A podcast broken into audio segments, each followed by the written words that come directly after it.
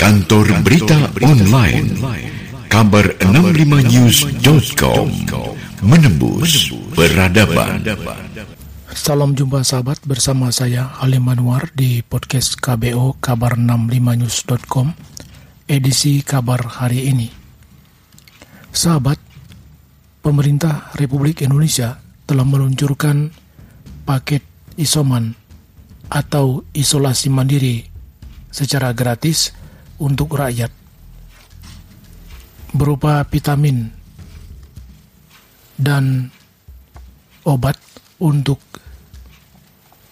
pencegahan COVID-19 yang diserahkan oleh Presiden Republik Indonesia Insinyur Haji Joko Widodo di Istana Negara Jakarta pada hari Kamis tanggal 15 Juli 2021.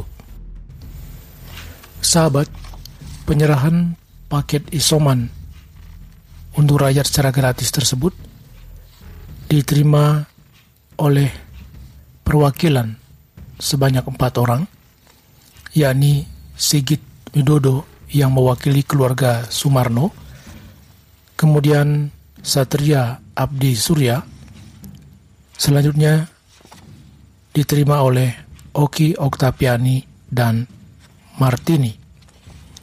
Berikut kita dengarkan keterangan pers Presiden Republik Indonesia Insinyur Haji Joko Widodo. Dalam rangka mengurangi laju penularan COVID-19, kebijakan PPKM darurat tidak terhindarkan. Pemerintah terus bekerja keras untuk meringankan beban masyarakat yang terdampak. Oleh karena itu, pemerintah memberi bantuan mulai hari ini berupa bantuan bahan pokok sembako lewat PKH dan lewat bantuan sosial tunai serta bantuan paket vitamin dan obat-obatan seperti ini.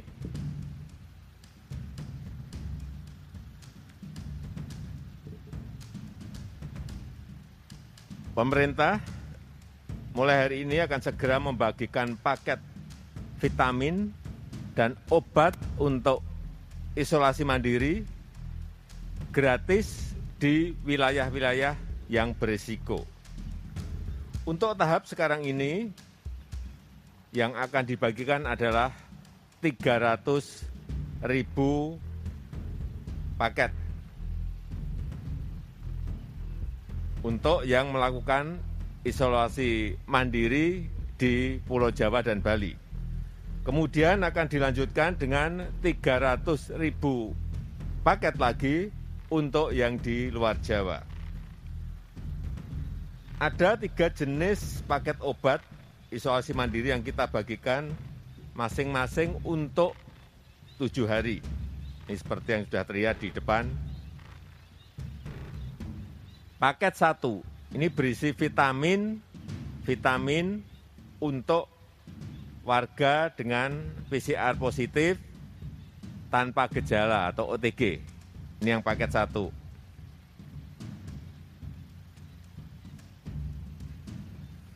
Kemudian paket dua berisi vitamin dan obat untuk warga dengan PCR positif disertai keluhan panas dan kehilangan penciuman.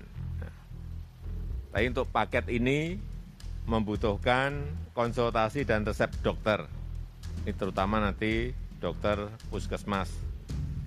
Kemudian paket tiga berisi vitamin dan obat untuk warga dengan PCR positif disertai keluhan panas dan batuk kering. Paket ini juga membutuhkan konsultasi dan resep dari dokter. Ketiga, paket obat isolasi mandiri ini tidak diperjualbelikan. Pasokannya disiapkan oleh Menteri BUMN yang diproduksi oleh BUMN Farmasi dan kemudian pendistribusiannya ini nanti akan dikoordinasikan oleh Panglima TNI yang nanti tentu saja akan berkoordinasi dengan Pemda sampai pemerintah desa maupun melibatkan puskesmas, babinsa, dan pengurus RT, RW. Saya minta agar dilakukan pengawasan yang ketat di lapangan agar program ini betul-betul bisa maksimal mengurangi risiko karena COVID dan membantu pengobatan warga yang menderita COVID-19. Dan saya minta juga agar program ini tidak mengganggu ketersediaan obat esensial terapi COVID-19 di apotek maupun di rumah sakit. Dalam kesempatan tersebut, Panglima TNI Hadi Cahyanto dan Menteri BUMN Erick Thohir juga menyampaikan keterangan persnya. Saudara-saudara sekalian, Bapak Presiden telah memerintahkan kepada TNI untuk mendistribusikan paket obat-obatan kepada masyarakat di wilayah Jawa dan Bali, termasuk memastikan bahwa obat-obatan tersebut sampai kepada tangan masyarakat yang membutuhkan. 300 ribu paket obat-obatan ini diperuntukkan bagi masyarakat yang sedang melaksanakan isolasi mandiri, baik UTG maupun UDG ringan. Tentunya dalam pendistribusian 300 ribu paket tahap pertama ini, para babinsa akan didampingi oleh petugas dari puskesmas maupun bidan-bidan desa di wilayah tersebut. Jajaran kesehatan Kodam termasuk Kodim, Koramil, dan Babinsa akan melaksanakan koordinasi dengan pemerintah daerah, dinas kesehatan, dan jajaran kepolisian. Dan harapan kita bahwa dengan kolaborasi antar institusi ini, akan meringankan beban saudara-saudara kita yang sedang melaksanakan isolasi mandiri. Demikian. Uh, selamat pagi Pak Panglima. Ada sejumlah pertanyaan Pak yang ingin kami sampaikan. Yang pertama, bagaimana uh, syaratnya untuk mendapatkan paket obat ini Pak? Uh, apakah harus menyertakan hasil swab atau bukti KTP semacam itu Pak? sesuai prosedur karena kita melaksanakan isolasi mandiri adalah berbasis desa, puskesmas atau bidan desa akan melakukan triase, membagi apakah mereka memang UTG, UDG, ringan, sedang atau berat.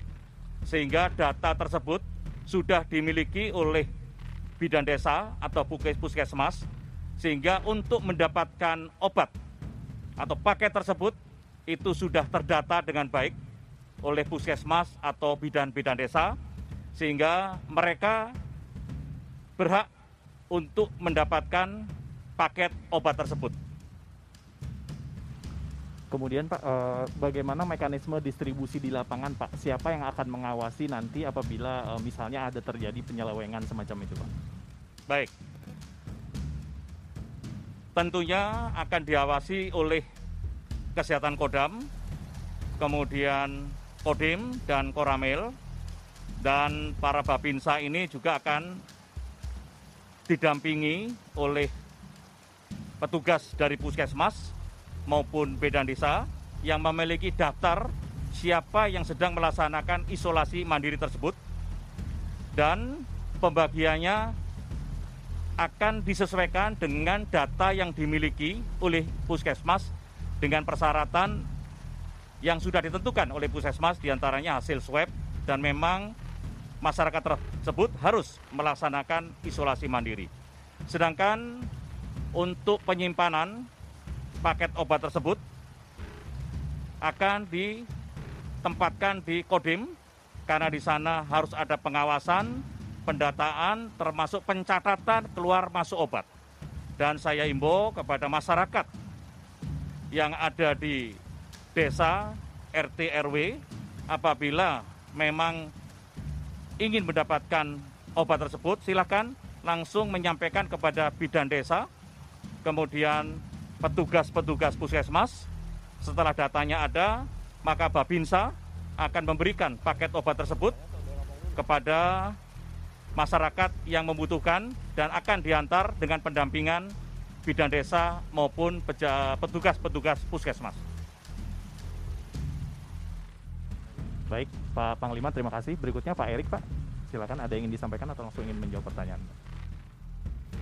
Saya ingin menyampaikan sesuai dengan arahan Bapak Presiden Republik Indonesia, Insinyur Haji Joko Widodo, dan juga dikoordinasikan oleh Pak Menko Luhut Binsar Panjaitan sebagai tupoksi yang sekarang melakukan PPKM darurat dan juga dikoordinasikan bersama Panglima kami diberi tugas untuk memberikan supply atau kepastian untuk pengadaan 300 ribu paket yang sekarang sudah dipromosikan atau mulai digerakkan. Tentu hal ini juga menjaga tadi yang disampaikan Bapak Presiden bahwa negara hadir untuk rakyat. Kita mau rakyat segera sembuh dari COVID-19.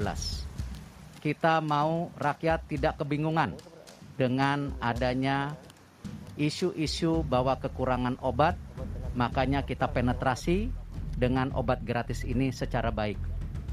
Karena itu, kami berharap semua apalagi sekarang TNI sudah turun, kita mengharapkan rakyat sabar, kita akan hadir di rumah masing-masing dengan tadi cara-cara yang tepat dan sesuai dengan standar yang sudah ada di Kemenkes dan BP POM. Baik, uh, ini ada dua pertanyaan Pak untuk Pak Erik. Yang pertama, ini kan pembagian obat dilakukan secara gratis ya Pak tapi kemudian kondisi ketersediaan obat di apotik juga sedang mengalami kekosongan. Bagaimana uh, jaminan dari BUMN Farmasi untuk menjaga stok ini agar tetap ada, Pak? Ya. Kami tentu bersama Kemenkes sudah meluncing website yang ada di Kemenkes di mana warga bisa melihat kesediaan obat yang ada di apotik-apotik di bawah tentu Kimia Farma atau di bawah Kementerian BUMN. Kami juga terus memproduksi obat-obat yang diperlukan sesuai dengan standar Kemenkes dengan BP POM yang kemarin malam sudah BP POM mengeluarkan 8 jenis obat. Kita terus mengadakan mendistribusikan. Apalagi kemarin Kemenkes sudah juga menerbitkan aturan bahwa beberapa obat ini bisa diakses oleh publik. Hal ini yang kita utamakan adalah tadi kesediaan obat untuk masyarakat yang didukung oleh banyak kementerian uh, masih menyambung soal ketersediaan obat, Pak. Ba sebenarnya bagaimana kapasitas BUMN farmasi dalam memproduksi obat saat ini, Pak? Karena mengingat banyaknya permintaan, apakah ada upaya dari BUMN farmasi untuk meningkatkan produksi, gitu, Pak? Ya, tentu kesediaan obat tidak hanya tanggung jawab dari kami BUMN farmasi, tapi juga banyak juga perusahaan-perusahaan swasta yang memproduksi obat yang sama. Tetapi kami tentunya memastikan obat-obat generik dengan harga yang sangat terjangkau jauh di bawah pasaran. Tentu kita bukan berarti ingin menyaingi pihak-pihak tertentu yang ingin juga melakukan perbaikan di pada sistem perobatan seperti swasta, tapi kita berjadi satu menjadikan sebuah kekuatan bersama untuk memastikan produksi obat ini ada. Kami sendiri sudah memproduksi empat macam obat, oseltamivir, paviravir, redimsivir dengan kuantiti yang sangat besar. Dan tentu kami sekarang juga sedang menjajaki obat-obat tolizuma yang memang sekarang ini menjadi salah satu obat yang dicari-cari Dan ini kita bekerja sama tentu dengan Kementerian Luar Negeri untuk memastikan apakah ada akses supaya kita mendapat lisensi produksi obat yang dibutuhkan. Demikian kabar hari ini. Kita akan jumpa kembali dengan kabar-kabar lainnya di lain waktu dan lain peristiwa. Saya Halim Anwar pamit undur diri. Terima kasih atas perhatian Anda dan sampai jumpa. Kantor Berita Online Kabar 65news.com Menembus Peradaban